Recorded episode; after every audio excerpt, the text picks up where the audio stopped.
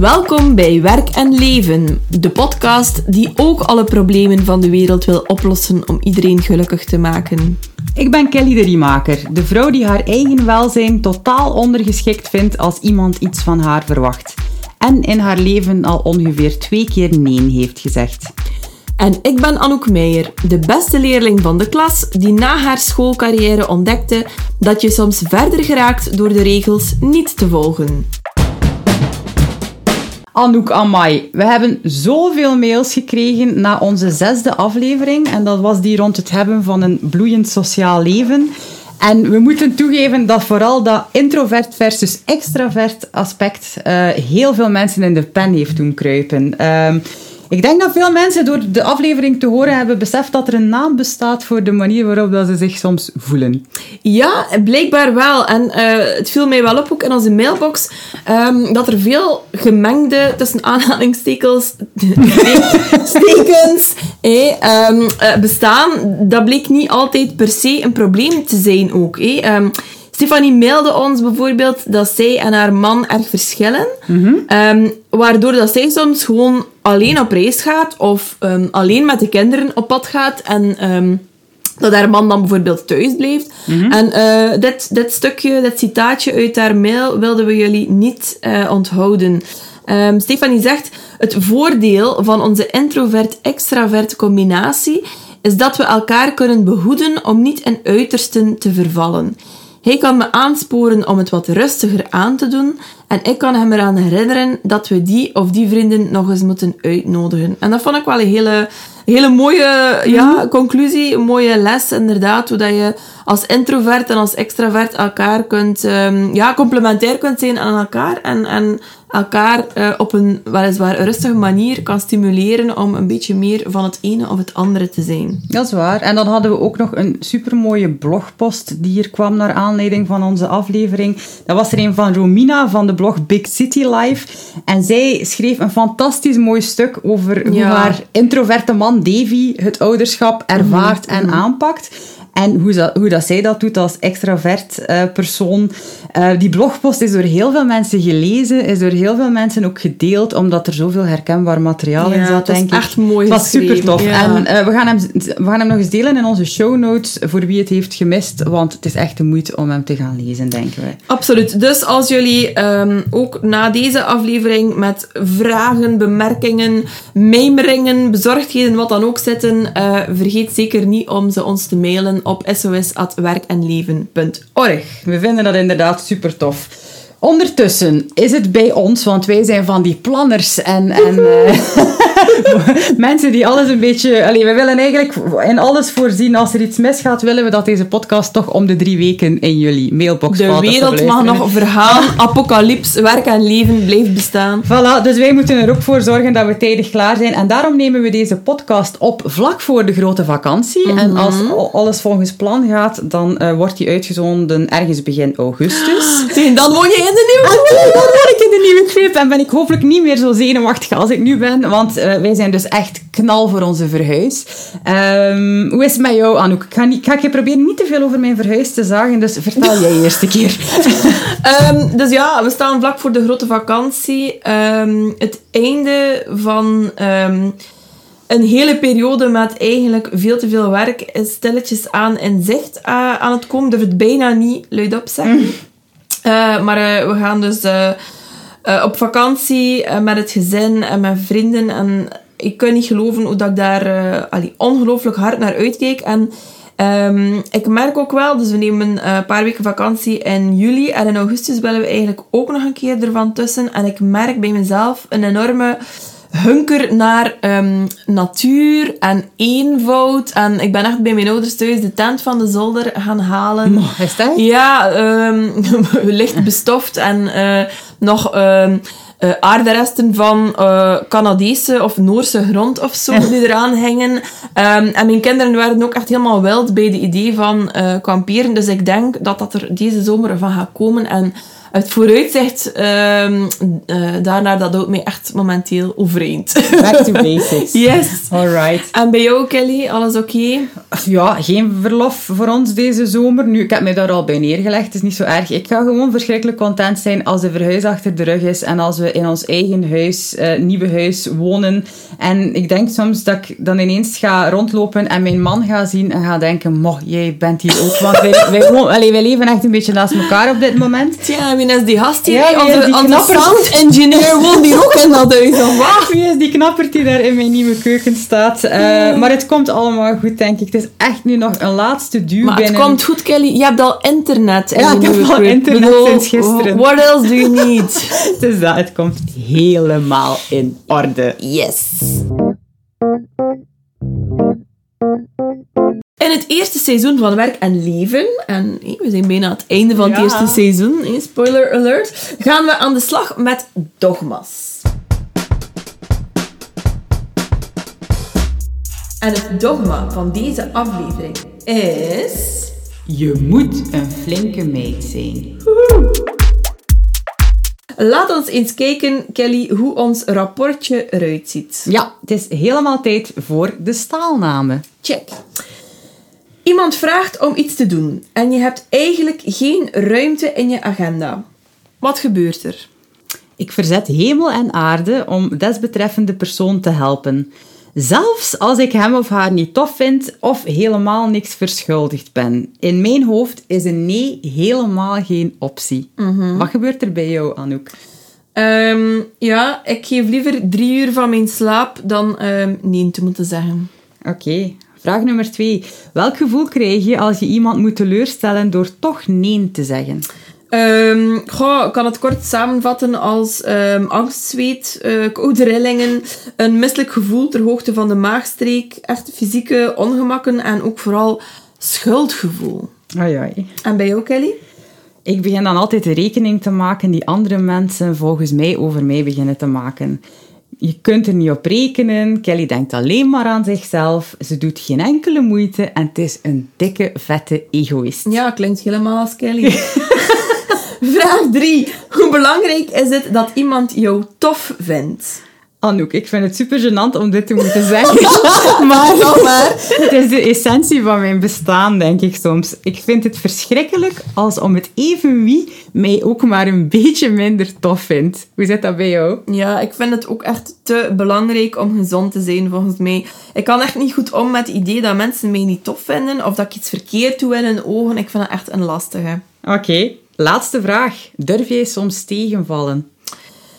Ehm, als het contact verloopt via mail, dan lukt het mij soms behoorlijk. Ehm, maar als je mij aan telefoon hebt, of helemaal als je mij in persoon voor jou hebt, dan is het echt lastig om nee te zeggen. En bij jou, Kelly? Knal hetzelfde. Ik heb zelfs een script dat ik gebruik van Alexandra Franzen. Ik ga er naar verwijzen in de show notes. Het heet How to Say No to Everything Ever. En via mail gebruik ik het soms. En dat is zo erg dat ik op reply druk, mijn ogen toedoe en het mij eigenlijk al direct beklaag dat ik nee heb gezegd en eigenlijk niet meer wil weten of dat er een reply komt of Rap de mailbox toe, of wat? Struisvogelpolitiek. Ik denk dat we kunnen stellen dat we met een probleem zitten. Dank je. Waar komt dat volgens jou vandaan? eh, dat wij er eigenlijk blijkbaar alles zouden aan doen om toch maar een flinke meid te zijn. Ja, ik heb daar voor mezelf over zitten nadenken, Kelly. En ik denk dat dat echt al ehm, terug te leiden is of te herleiden is tot wat dat er eigenlijk vroeger op school al ingedrild werd, al van heel jongs af aan. Van, ehm, je moet flink zijn, je moet doen wat dat de juffrouw zegt. Ehm, je wordt eigenlijk ja, ingepeperd om je best altijd te doen. Om je, je wordt daar enorm in, gestimuleerd. Je hebt dan een goed rapport, de juffrouw vindt jou tof. Ehm, ik heb het gevoel dat dat echt iets is dat, dat heel vroeg al bij mij ehm, erin gepeperd is. Van je moet flink zijn en je best doen. En, en dat gedrag wordt dan ook echt beloont. Ja, ik zie dat eigenlijk al bij Flo, mijn, mijn dochter van, Ja. van twee jaar en een half bijna. Ze gaat zelfs nog niet naar school. Die is zo hard bezig met flinke meid zijn. Ook al denk ik niet dat ik daar zelf gigantisch hard op hamer. Dat, dat gaat wel van overal een beetje komen. Maar die, oh, die zegt het ook soms tegen mij. Als ik iets, iets goed doe of ik ben aan het ontbijten, zegt hij soms spontaan... Bravo, mama, flinke meid. En dan denk ik, oeh, die is nu al bezig met dat gedrag. Ja. En, zij gaan nog niet naar school. Ze gaan nog niet naar school, dus dat moet eigenlijk nog allemaal beginnen. Maar om maar te zeggen, op twee jaar is hij daar al op gefocust op Flink ja. bravo, dikke duim, goed gedaan. Ik vind dat soms wel confronterend. Ja, maar de, allee, voor mij zegt dat echt wel, allee, in, in welke, is dat, allee, illustreert dat in welke mate dat wij daarin sociaal geconditioneerd zijn om zo eh, de flinke te zijn. En als ik heel eerlijk ben, is het denk ik pas na mijn studententijd, als ik dus al ver in mijn twintiger jaren was, dat ik voor het eerst echt begon te beseffen van, maar wacht een keer, het is hier niet noodzakelijk altijd de mensen die de regels volgen, ehm, die er in de prijzen vallen in het leven. Nee. Wel, in tegendeel. Het zijn soms net die mensen die ehm, er de kantjes durven aflopen of een keer iets helemaal anders doen dat tegen de regels ingaat, ehm, die er, eh, succesvol zijn en die gelukkig zijn. En, en dat was voor mij echt een ongelofelijke ehm, ja, shock to the system bijna. hè. Heeft dat ervoor gezorgd dat je iets aangepast hebt aan je eigen gedrag? Of gaat dat zo makkelijk niet, dat inzicht, en dan ook in de praktijk omzetten? Maar dat is, dat is hetgeen waar we altijd op botsen. hè. Op eh, inderdaad het verschil tussen eh, iets inzien en dan je gedrag er ook op aanpassen. Ehm, nu, ik denk ondertussen, allee, ben ik er 36 en als ik 10 jaar terug ga in de tijd, ehm, dan heb ik bijvoorbeeld wel op professioneel vlak ehm, aanpassingen gemaakt in mijn carrière en in het pad dat ik volg. Waarin dat ik in grote lijnen wel veel meer in de richting ga van mijn goesting doen in plaats van wat dat er mee opgelegd werd. Want als ik echt daarin zou volhard hebben, dan was ik nu nog altijd advocaat. Ja. Want dat was hetgeen waarvoor dat ik gestudeerd had. Dat was hetgeen waar dat ik goed in was. Dat was hetgeen wat dat, eh, iedereen en mijn schoonmoeder van mij verwachtte dat ik zou blijven verder doen. ja, en op het moment dat ik die toga aan de haak ging, ehm, merkte je toch wel van oké, ehm, dit is wat ik echt wil, maar dit is duidelijk niet wat de maatschappij of de mensen rond mij van mij verwachten. En dus op een bepaalde manier heb ik er wel al beter mee leren omgaan. Maar als ik dan kijk op microniveau, eh, naar hoe goed kun je dan nee zeggen tegen mensen enzovoort. Nu bijvoorbeeld binnen jouw job, ja, dan is dat echt een dikke teleurstelling. Ehm, want ja, ik ben nog altijd iemand die heel erg in functie denkt van andere mensen hè, en zo'n beetje de, de verantwoordelijkheid wil opnemen voor de problemen van andere mensen, terwijl dat, eigenlijk totaal niet zo hoeft te zijn. Nee, Hoe is dat bij jou, Kelly? Ja, ik, juist hetzelfde. Ik heb soms het gevoel dat ik niet capabel ben om sommige dingen te doen die ook van mij zouden moeten verwacht worden in mijn job. En dan denk ik echt, of niet alleen in mijn job, maar zelfs in mijn volwassen bestaan, dat ik zo Mhm. bepaalde skills gewoon niet mee heb gekregen, omdat mijn moeder een pleaser was, omdat Mhm. mijn oma een pleaser was. En dan denk ik aan het voeren van zo minder goed of slecht nieuwsgesprekken. eh, of, of, eh. Als je mensen moet teleurstellen. Mensen teleurstellen of duidelijk maken dat ik niet content ben. Bijvoorbeeld als er een aannemer een fout heeft gemaakt, dan zie ik mijn man op een hele andere manier reageren dan ik zelf. Dan zie ik hoe dat ik mezelf bijna zou excuseren, omdat ik niet wil overkomen als die Ah. lastige vrouw die niet anders doet dan zagen. Ik doe er alles aan om zo ervoor te zorgen dat niemand mij een bitch vindt of een lastige. eh, dat allemaal leuk en fun is. En ik denk dat dat mij. Gewoon met de paplepel is zo weinig mogelijk wrijving, Ja, zo weinig mogelijk conflict. conflicten. Ja, En weet je wat dat gekke is? Allee, ik weet niet of dat, dat gekke is, maar als ik nadenk over de antwoorden dat wij daar, daar juist in de staalnamen gaven, wat dat ik dan vooral denk is, oh my god, ik hoop zo hard dat mijn dochter, Flo, dat die binnen 20 jaar niet knal dezelfde antwoorden gaat geven. Dat ik daar toch in de opvoeding iets in kan steken, waardoor dat zij niet van dat gigantisch pleasend en zichzelf wegcijferend gedrag gaat vertonen. Eh, en ik denk daar minder over na bij mijn zoon.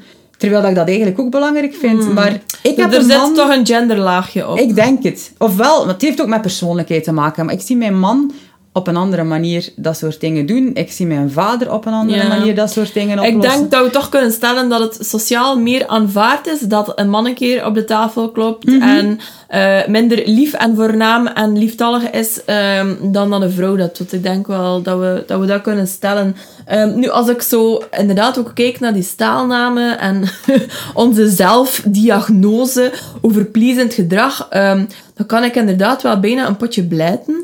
Zo van, allee jong, heb mij dan helemaal geen ruggengraat. En nogthans ehm, zijn er wel situaties waarin dat, dat dan...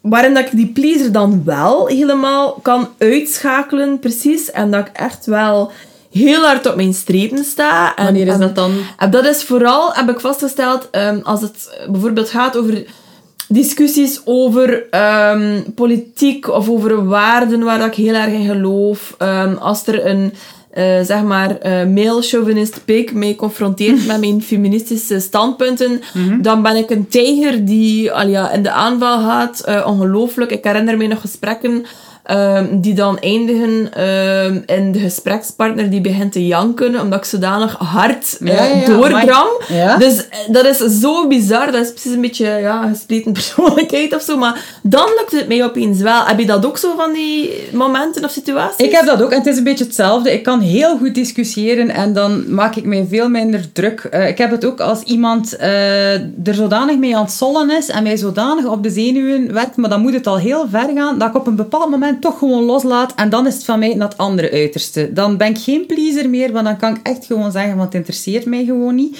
Eh, ik zou het wat meer willen kunnen doen op professioneel vlak, Ah, ja. Ehm, maar daar, Daar sla ik het er niet. nee, daar sla Nee. ik er niet altijd in. Heb, heb jij dat, dat je als iemand echt met je voeten aan het spelen is professioneel, kun je dan wel zeggen van... Ja, maar het moet echt wel al... eh, het gebeurt echt niet vaak. Het is echt als ik zo het gevoel heb van...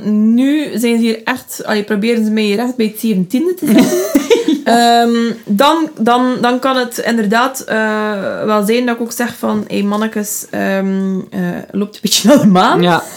Maar dan is het ook weer het alles of niets verhaal. hè. Dan is het ook echt zo van... Dan, dan heb ik zo niet meer die, die reflex om dan het, ges- eh, het gesprek aan te gaan. Dan is het echt zo van... Ik wil er gewoon niet meer van horen. Dan, wil ik ook, dan merk ik dat ik toch ook weer dat gesprek Ja, dat ontwijk. ja, voilà, om, ja, dan herkenbaar. wil ik er gewoon niks meer mee te maken hebben.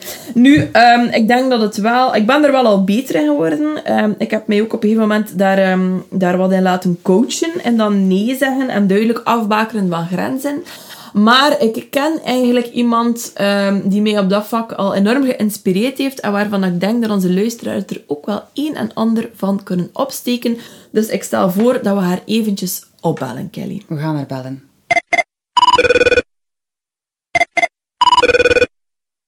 Aan de lijn hebben we Lien de Pauw. Eh, voor de mensen onder jullie die nog niet van Lien gehoord hebben, Lien is eigenlijk de ultieme persoon om eh, op deze aflevering eh, iets over haarzelf en wat dat ze doet uit de doeken te doen. Want Lien die is eigenlijk ehm, in mijn ogen een professionele goestendoender.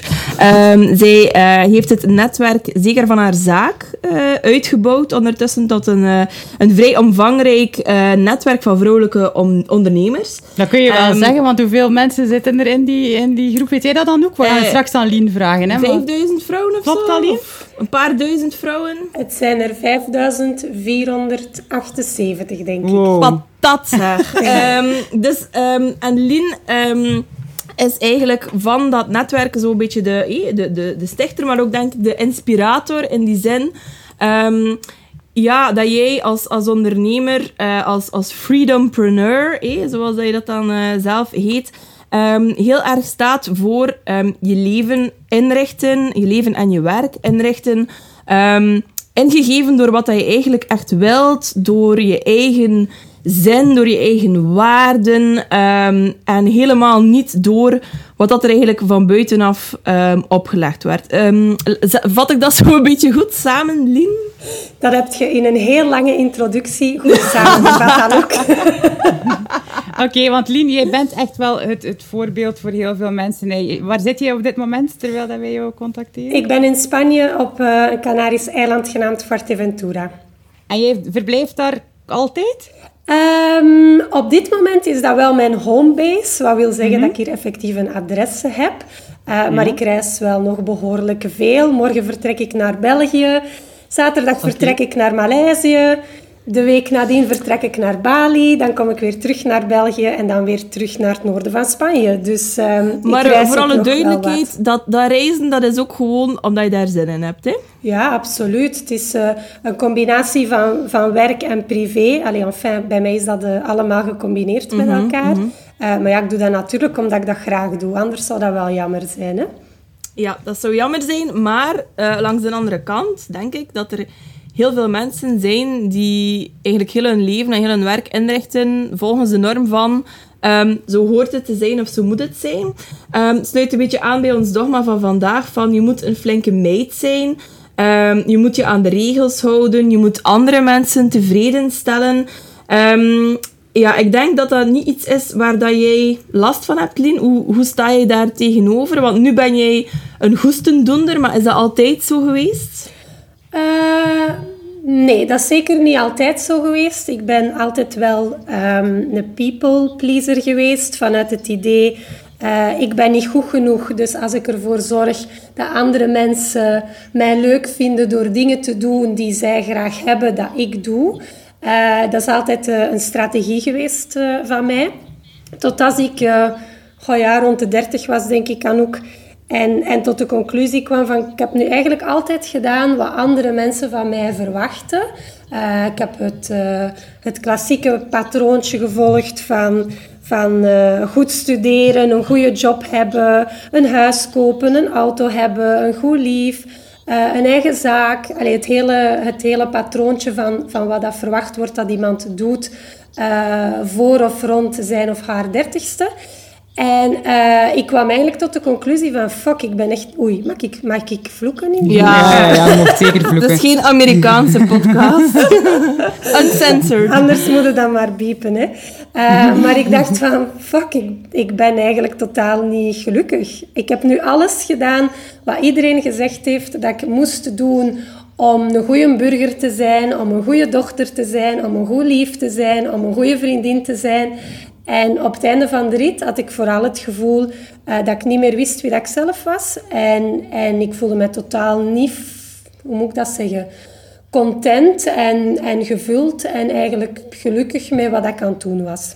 Ja, en dan dacht ik, I want something else. Ja, je, je, wilde iets anders. Nee, ik denk dat heel veel mensen dat verhaal herkennen. En ik denk dat heel veel mensen uh, het gevoel hebben dat, ze, dat er gewoon geen andere optie bestaat. Dat dat nu gewoon is, we moeten het erbij nemen, we moeten niet trunten, zoals ze bij ons in West-Vlaanderen zeggen. En we moeten gewoon voortdoen. Maar jij hebt op een bepaald moment beslist, no more, ik doe iets anders.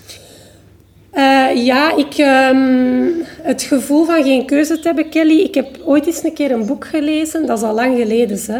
Uh, The Seven Habits of Highly Effective People mm -hmm. uh, van Stephen Covey. Ik heb dat nooit uitgelezen, maar dat was mij, mij aan. Aan welke habit ben je geraakt? De tweede? Ik had, uh, ik had geen goesting om hem helemaal uit te lezen. maar um, ik ben toch aan, ik weet niet, habit 1, 2 of 3, ik weet het niet meer, geraakt. Maar um, een van die habits, en, en dat sloeg bij mij wel echt de nagel op de kop, dat was de habit van, kijk, um, no matter what situation you're in, you always have a choice. Mm -hmm. En dat is er bij mij heel hard um, ergens in mijn hoofd blijven hangen. En op die moment dat ik dan zo het gevoel had van, van damn, ik, ik ben echt niet content met hoe dat ik mijn leven op dit moment aan het leven ben. Uh, vergeet niet, ik was super succesvol hè, naar maatschappelijke mm -hmm. normen, maar ik voelde mezelf helemaal niet succesvol. Toen heb ik voor mezelf die, dat, dat motto dat ik in dat boek gelezen had, terug voor de geest gehad en gezegd, Lien, je hebt altijd een keuze. Ook al heb je het gevoel dat er niets te kiezen valt en dat leven, ja, dat je op een soort van trein zit en die een locomotief is altijd maar harder aan het gaan en harder aan het gaan. En je hebt het gevoel van, ik heb zoveel verantwoordelijkheden dat ik, dat ik niet meer daar terug vanaf kan stappen. Mm -hmm. um, toen heb ik voor mezelf beseft van, je hebt altijd een keuze. Hoe, klein de keuze ook is, hoe klein dat strohalmke ook is, hoe, hoe minuscuul dat kleine uitwegje misschien lijkt, je hebt altijd een tweede optie.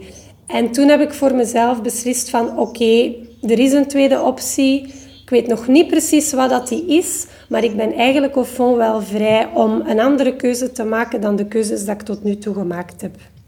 Mm. En wat, is dan, wat zijn dan zo de, de, eerste, de eerste stappen die je ondernomen hebt om, om daaruit... Want ik, ja, dat is waarschijnlijk ook niet van de ene dag op de andere dag gegaan, maar wat zijn dan zo de, de eerste kleine stappen richting die andere optie dat je genomen hebt? Ehm, op die moment had ik, ehm, ik had een lief, ik had een, hypotheek. Ik had twee hypotheken om af te betalen, want ik had twee appartementen op dat moment. Ja, als je het doet, moet het goed doen, denk ik. als je echt wilt vastrijden, moet je echt vastrijden. Uh, dus ik had twee hypotheken, ik had een auto, ik had een bedrijf met werknemers en een kantoor en dat soort van shizzle. Um, en ik dacht het makkelijkste om als eerste te doen, dat is om te proberen iets meer vrijheid te creëren in mijn eigen onderneming. Omdat daar had ik het gevoel van, hier ben ik baas van. Ja, dat is mijn eigen bedrijf, hè, dus ik ben de baas. En, en ik ga proberen dingen te veranderen, waardoor dat ik het gevoel heb dat ik meer vrij ben en minder slaaf ben van mijn eigen bedrijf. En de eerste stap dat ik daar heel concreet in gezet heb, is door een aantal freelancers erbij te nemen die voor mij klantwerk hebben overgenomen. En op die manier kon ik ervoor zorgen dat ik, dat ik zelf iets meer tijd had. Tijd dat ik dan kon gebruiken om dingen te doen die ik eigenlijk toffer vond of allee, leuker vond. Dus dat is de mhm. eerste stap dat ik toen genomen heb. Veel mensen denken dat ik altijd een freedompreneur geweest ben, maar dat is dus niet zo. Hè. Ik heb echt mij eerst keihard vastgereden in mijn eigen onderneming, om dan eigenlijk een aantal dingen te doen. In eerste instantie in mijn onderneming om, om meer tijd voor mijn eigen te creëren, zodat ik meer dingen kon doen dat ik eigenlijk echt graag wou doen. Hè. Mhm. En wat deed dat dan met jou als je opeens zo die dingen begon te doen, dat je meer allee, voldoening uit kreeg voor jezelf? Ehm, ik heb de indruk dat dat, een, dat, dat zo het point of no return was hè, voor jou. Dat het verslavend werkte en dat je van daaruit eigenlijk systematisch begonnen bent in al die gebieden van je, van uw leven en van uw werk om meer en meer je goesting te doen. Of zie ik dat verkeerd? Of heb je toch nog op obstakels gebotst uh, Ja, en ook alleen massa's obstakels. Hè, want dat is een verhaal geweest dat toch... Allee, ik, het is zelfs nog niet afgerond, zou ik zeggen. Hè. Dat verhaal, mhm. ik denk dat dat een levensfilosofie geworden is. Uh, maar dat is een verhaal ja, dat zich over meerdere jaren spreidt. Maar eens dat je begint te proeven, of dat ik begon te proeven van het gevoel te hebben, elke dag of toch vaker, het gevoel te hebben van vandaag moet er is niks en mag gewoon alles wat ik graag wil eens dat je dat gevoel begint te ervaren. En mensen ervaren dat dikwijls, denk ik, als ze op vakantie zijn. Hè? Mm je gaat naar het zuiden van Frankrijk, je hebt een huisje gehuurd met je, met je partner, met de kindjes. En eigenlijk elke dag moet er niks en mogen alles wat je graag wilt doen. En ehm, dat is een heel verslavend gevoel, maar de meeste mensen komen terug van vakantie en, en zeggen dan, ah, nu moet ik terug naar de realiteit. Hè? En de realiteit ja, het, echt, het echte leven, het alsof dat, dat andere niet echt is of zo. Het echte leven. En in het echte leven moeten we. In het echte leven mogen we, maar niet te veel. We, we moeten mhm. vooral heel veel. En, en dan mogen we een beetje s'avonds of in het weekend of zo. Um, nu, ik ben ook beginnen reizen. Geen twee weken vakantie, maar twee maanden. Allee, eerst begon dat met drie weken en dan werd dat een maand en dan werd dat een keer twee maanden. Dus ik proefde altijd maar meer van dat gevoel van niet te moeten en meer en meer te mogen. En ik denk, zoals dat je het zelf zegt, Anouk, vandaar, there is no way back. Want eens dat je dat begint te voelen en dat je het morgens wakker wordt en kunt zeggen van wat wil ik nu vandaag echt graag doen, ja, dan, dan is er gewoon geen weg terug. En en ik moest, het enige wat ik moest doen, was proberen mijn leven zo in te richten dat ik meer en meer mijn goesting kon doen, elke dag opnieuw. Allee, idealiter elke dag. Lien impliceert je eigen goesting doen ook dat je andere mensen moet teleurstellen. Want je zei daarnet al dat je een people pleaser was. Je had ook een lief op dat moment dat je die beslissing nam. Als je voor jezelf kiest, al ik weet niet of dat je dat zo zou noemen, heb je dan het gevoel dat je ook meer regels moet stellen naar andere mensen toe? En is dat makkelijk voor jou? Um, om, om daarop te antwoorden, ja, dat is, dat is zeker zo. Je moet, je moet niks, hè. Maar de consequentie is, en het is een vrij natuurlijk gevolg, voor mezelf in ieder geval geweest, dat ik veel meer grenzen ben beginnen stellen. En vroeger vond ik dat super moeilijk. Waarom? Als je mensen wilt plezieren, dan kun je geen grenzen stellen. Dat gaat gewoon niet. Want alles wat iedereen vraagt, daar zeg je ja op, want, want je wilt goed doen hè, voor die persoon.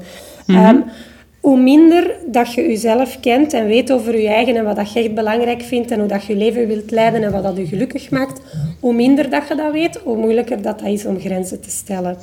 Ehm, maar omdat ik zelf meer en meer begon te ontdekken ja, wat dat mijn eigen emmerke gevuld had en wat dat mij gelukkig maakt, hoe gemakkelijker, ook al ben ik een people pleaser, hoe gemakkelijker dat het werd om nee te zeggen. Nee tegen mensen, nee tegen situaties, nee tegen omstandigheden, nee tegen klanten, nee tegen opdrachten, nee tegen dat soort van dingen allemaal, nee tegen vrienden.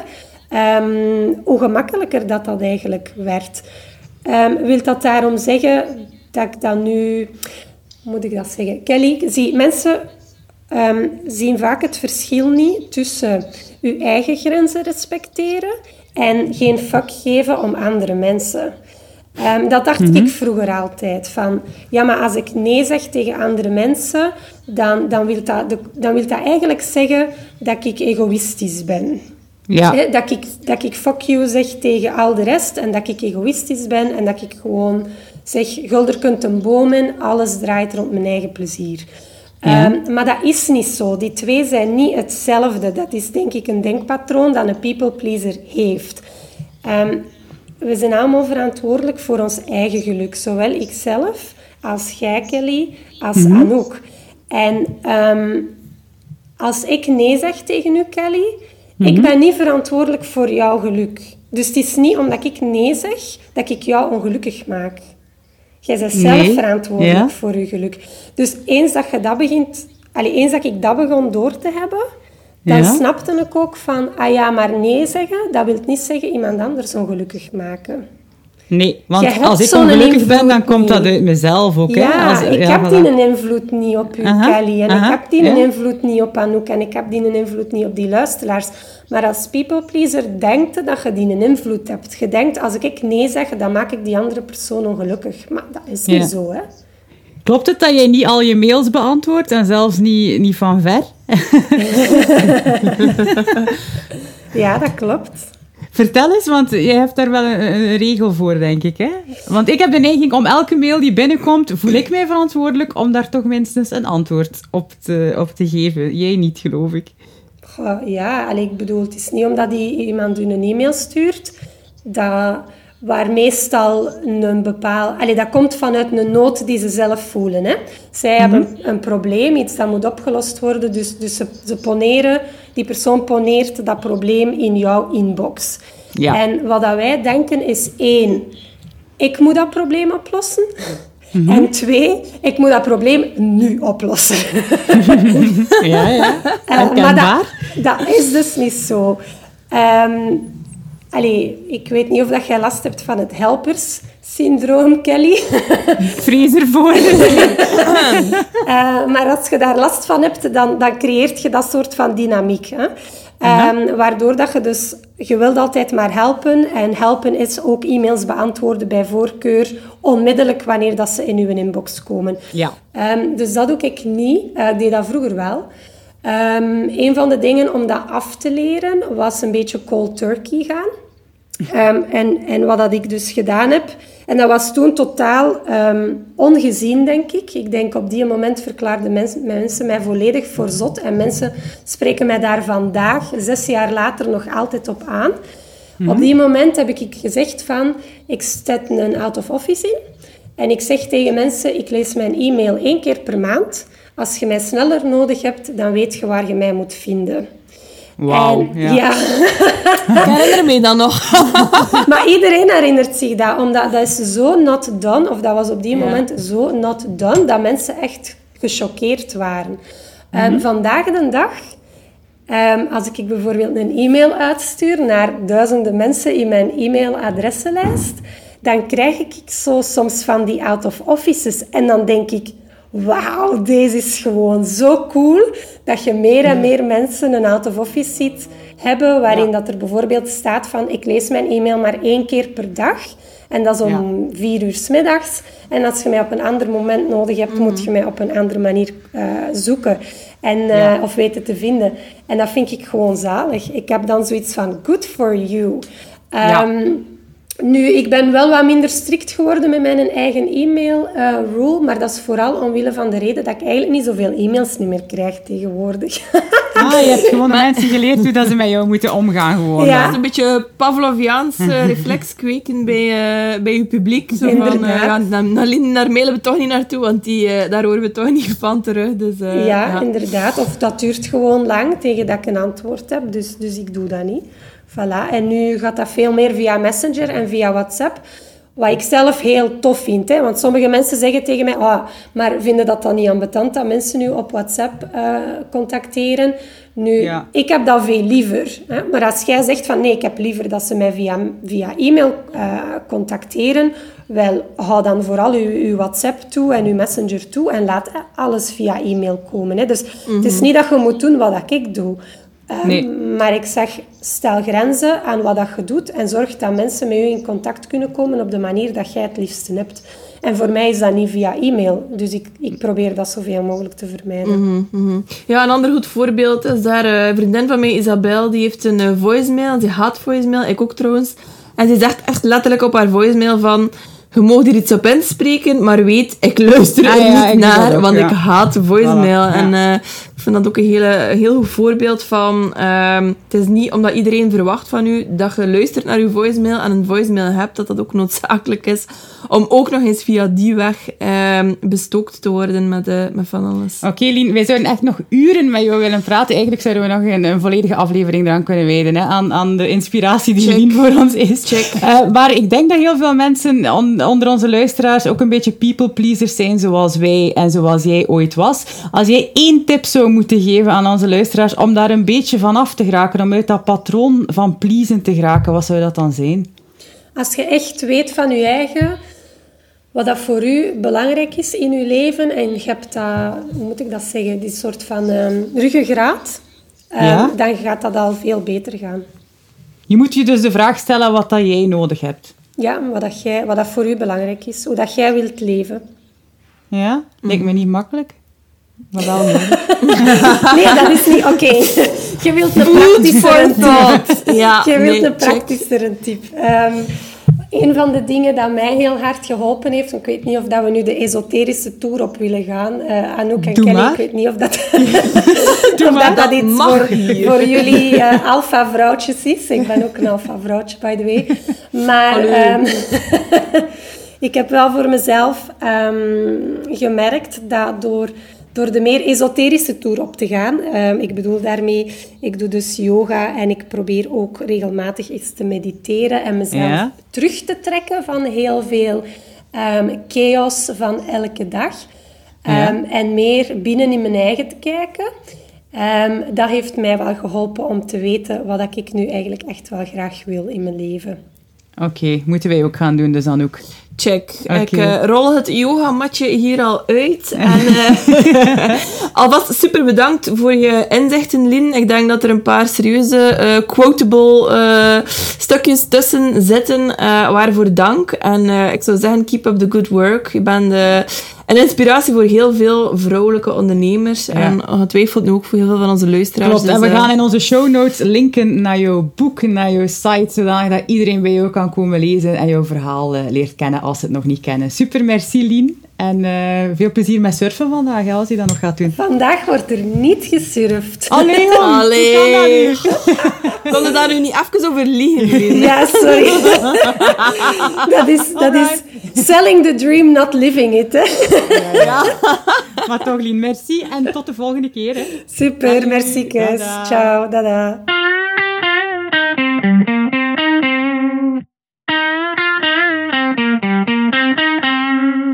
Oh my god, dat was weer ongelooflijk boeiend. Ja, inderdaad. Ik vind het heel fijn om te horen dat Lien ook een eh, voormalige pleaser is en dat het toch nog zo goed kan komen.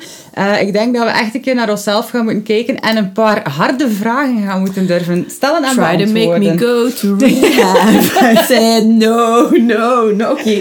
Ehm, Dit is geen terug. karaoke, Anouk. Ja, oké. Anouk, welke strategieën denk jij dat je, dat je zou kunnen volgen om er toch wat minder in die val te trappen Eh, van altijd te willen goed doen voor iedereen? Check. Dus ik, ik zei daarnet al ehm, dat ik mij daar wel op laten coachen heb. Dat was bij eh, Sylvia de Rom, Ja. van eh, Creatieve Generalist.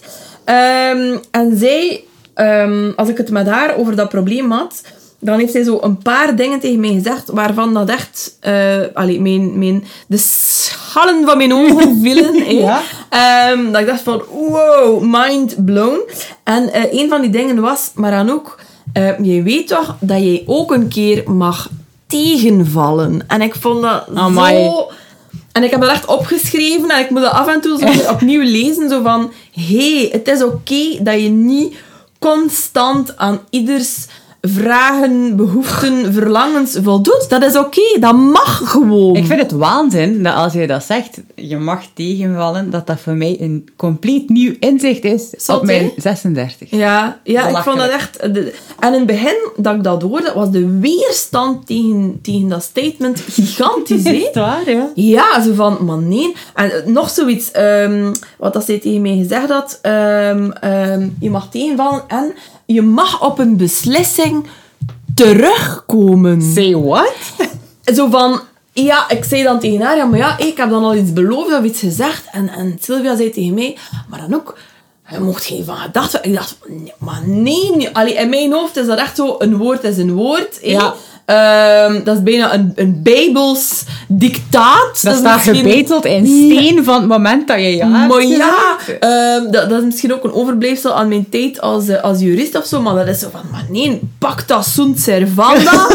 Eh, dat, dat kan, allee, dat was voor mij zo. En, en ik probeer dat af en toe zo een keer er terug bij te halen, een keer te lezen, zo van, remember, allee, zit ik hier niet zo streng voor je Ja, eigen, ja, voilà. basically. Ja, eigenlijk gaat het daarover. Eh, zijn er zo nog dingen, die we, tips die we kunnen eh, bedenken, meegeven? Wat dat ik probeer te doen, maar waar dat ik nog niet voldoende in ben geslaagd, denk ik, is om een soort raamwerk voor mezelf eh, uit te werken, waardoor dat ik niet eh, op de seconde een beslissing moet nemen. Want daar gaat ik wel mis. Als mijn telefoon rinkelt en iemand zegt, Kelly, ik moet je iets vragen, dan is dat voor mij al de start van heel mijn agenda beginnen omgooien, terwijl dat ik eigenlijk zou moeten zeggen, mag ik daar een keer even over nadenken? Voilà. En blijkbaar bestaat er zoiets als een soort charts dat je voor jezelf opstelt Ja. om die beslissingen makkelijker te maken. En ik denk dat jij er al... Want ik, ik passeer soms aan je bureau en ik zie daar soms iets hangen. Dus er soms van allerlei rare dingen eh passeren. Maar inderdaad, ik heb zo'n chart. En ik geef eerlijk toe, het ene moment lukt het mij beter om mij daar aan te houden of niet. Maar dat is eigenlijk gewoon een soort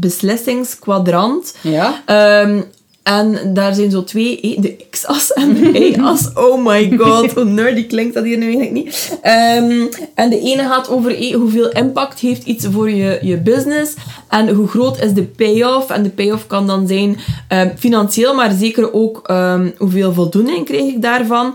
En op basis daarvan kijk ik eigenlijk bij alles wat er binnenkomt van in welk kwadrant past dat hier. Is dat iets dat ik zeker moet doen? Iets met hoge impact voor mijn business, waar ik ook zelf gelukkig van word, dat ook financieel goed vergoed is, bij wijze van spreken. Ja. Dat is altijd een ja, zo gezegd.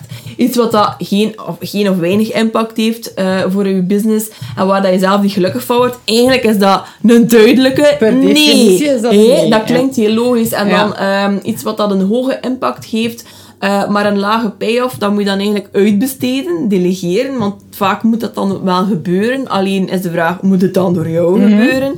En dan heb je ook nog ehm, hoge impact, lage payoff. Dat zijn dan de zogenaamde strategic initiatives. Dus dat kan strategisch interessant zijn. Maar allee, alleen al het feit dat je er op die manier gestimuleerd wordt om er op die manier over na te denken, ehm, helpt, zoals dat je zegt, om niet instant eh, there and then te beslissen van ik doe dit wel, ik doe dit niet. Het is inderdaad goed, denk ik, om ehm, even te laten bezinken en je af te vragen van is, past dat eigenlijk in mijn doelen? Is, past dat in waar dat ik naartoe wil? Ehm, of doe ik dat hier weer gewoon om een ander gelukkig te maken, om eh, iemand anders zijn agenda eh, erop eh, te verbeteren of wat dan ook. Ehm, ja. Ook zo een is, eh, nee is een volledig antwoord. Ik heb altijd de neiging om mee te verantwoorden Amai, ik als ook. ik nee zeg. Maar eigenlijk hoeft dat helemaal niet. Nee, dat is waar. Tju toch, Anouk. Echt,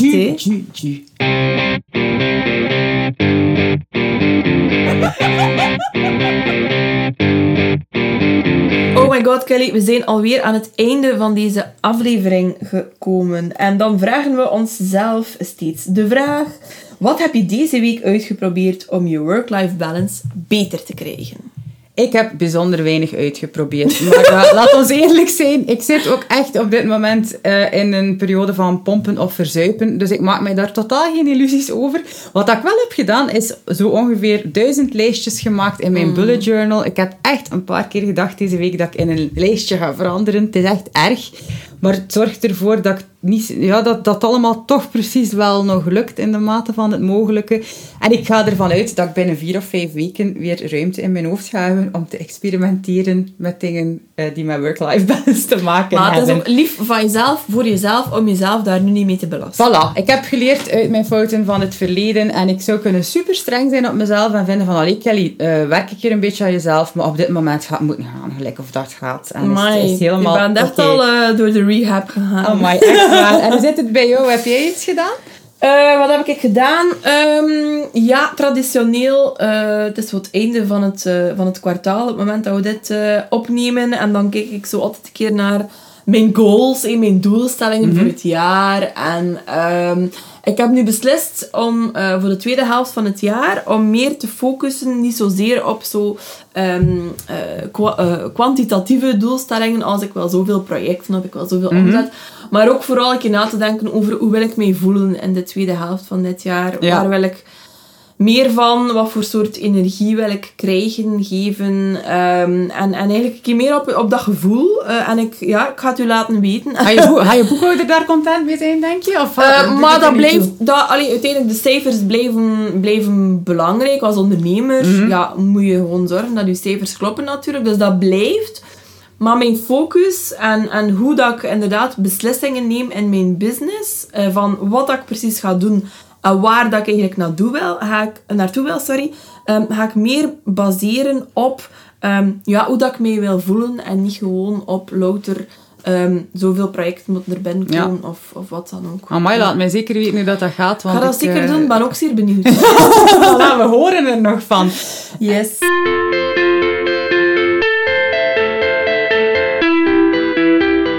En voilà, dat is het uh, einde van aflevering 9. Dat wil zeggen dat we volgende keer aflevering 10 alweer hebben bereikt. En dat is de laatste van het eerste seizoen van Werk en Leven. Komt er eigenlijk een volgend seizoen? Um, Kelly, ik denk dat we ondertussen wel mogen uh, bekendmaken aan de wereld, wereldkundig maken, dat wij eigenlijk zeer veel zin hebben om een tweede seizoen op dat te nemen. Dat we eigenlijk nooit meer gaan stoppen met werk en leven. Check. Oké. Okay. Uh, maar de tiende aflevering is zoals de vijfde aflevering een specialeke weer. Yes. Uh, wat gaan we doen, Anouk? Uh, de tiende aflevering wordt een Ask Us Anything episode. Wat dat dus eigenlijk wil zeggen dat jullie ons gewoon alles mogen vragen en dat wij zoveel mogelijk van die vragen gaan beantwoorden. Dus de een, kleren van het lijf. Uh, allee, gaan we op alles antwoorden? Uh, kleren van het lijf, dat is natuurlijk een podcast, dus op zich maakt, dat niet uit. maakt dat niet uit of dat we in onze blote die podcast opnemen. Jij bent niet um, die er last van gaat hebben. Goh ja, ik dat last is. Oké, okay, this is going the wrong direction. maar bon, jullie mogen dus inderdaad vragen waar dat jullie zin in hebben. Dingen um, allee, rond thema's dat we het al over gehad hebben, maar ook over compleet andere uh, dingen. Als jullie geïnteresseerd zijn in onze schoenmaat, ja. onze favoriete pateetje van bij de bakker. Mm -hmm. um, of als jullie uh, suggesties hebben voor volgende afleveringen, daar gaan we ook zeker op ingaan. Maar we gaan onze planning zeer binnenkort maken. Mm -hmm. Dus laat het ons allemaal weten. Um, en mm. we vonden het fantastisch dat je er deze week bij was. Ja, absoluut. Uh, dus mail jullie vragen, uh, bedenkingen, uh, ontboezemingen, verzuchtingen, verlangens, al dat je wilt, naar sos.werkenleven.org. Vergeet ook niet, als je dit een leuke podcast vindt, om je te abonneren op iTunes, om een reviewtje na te laten, zodanig dat ook andere mensen deze podcast kunnen ontdekken. Dit was Werk en Leven. Dikke merci dat je erbij was. Dikke zoentjes. Tada. Tada.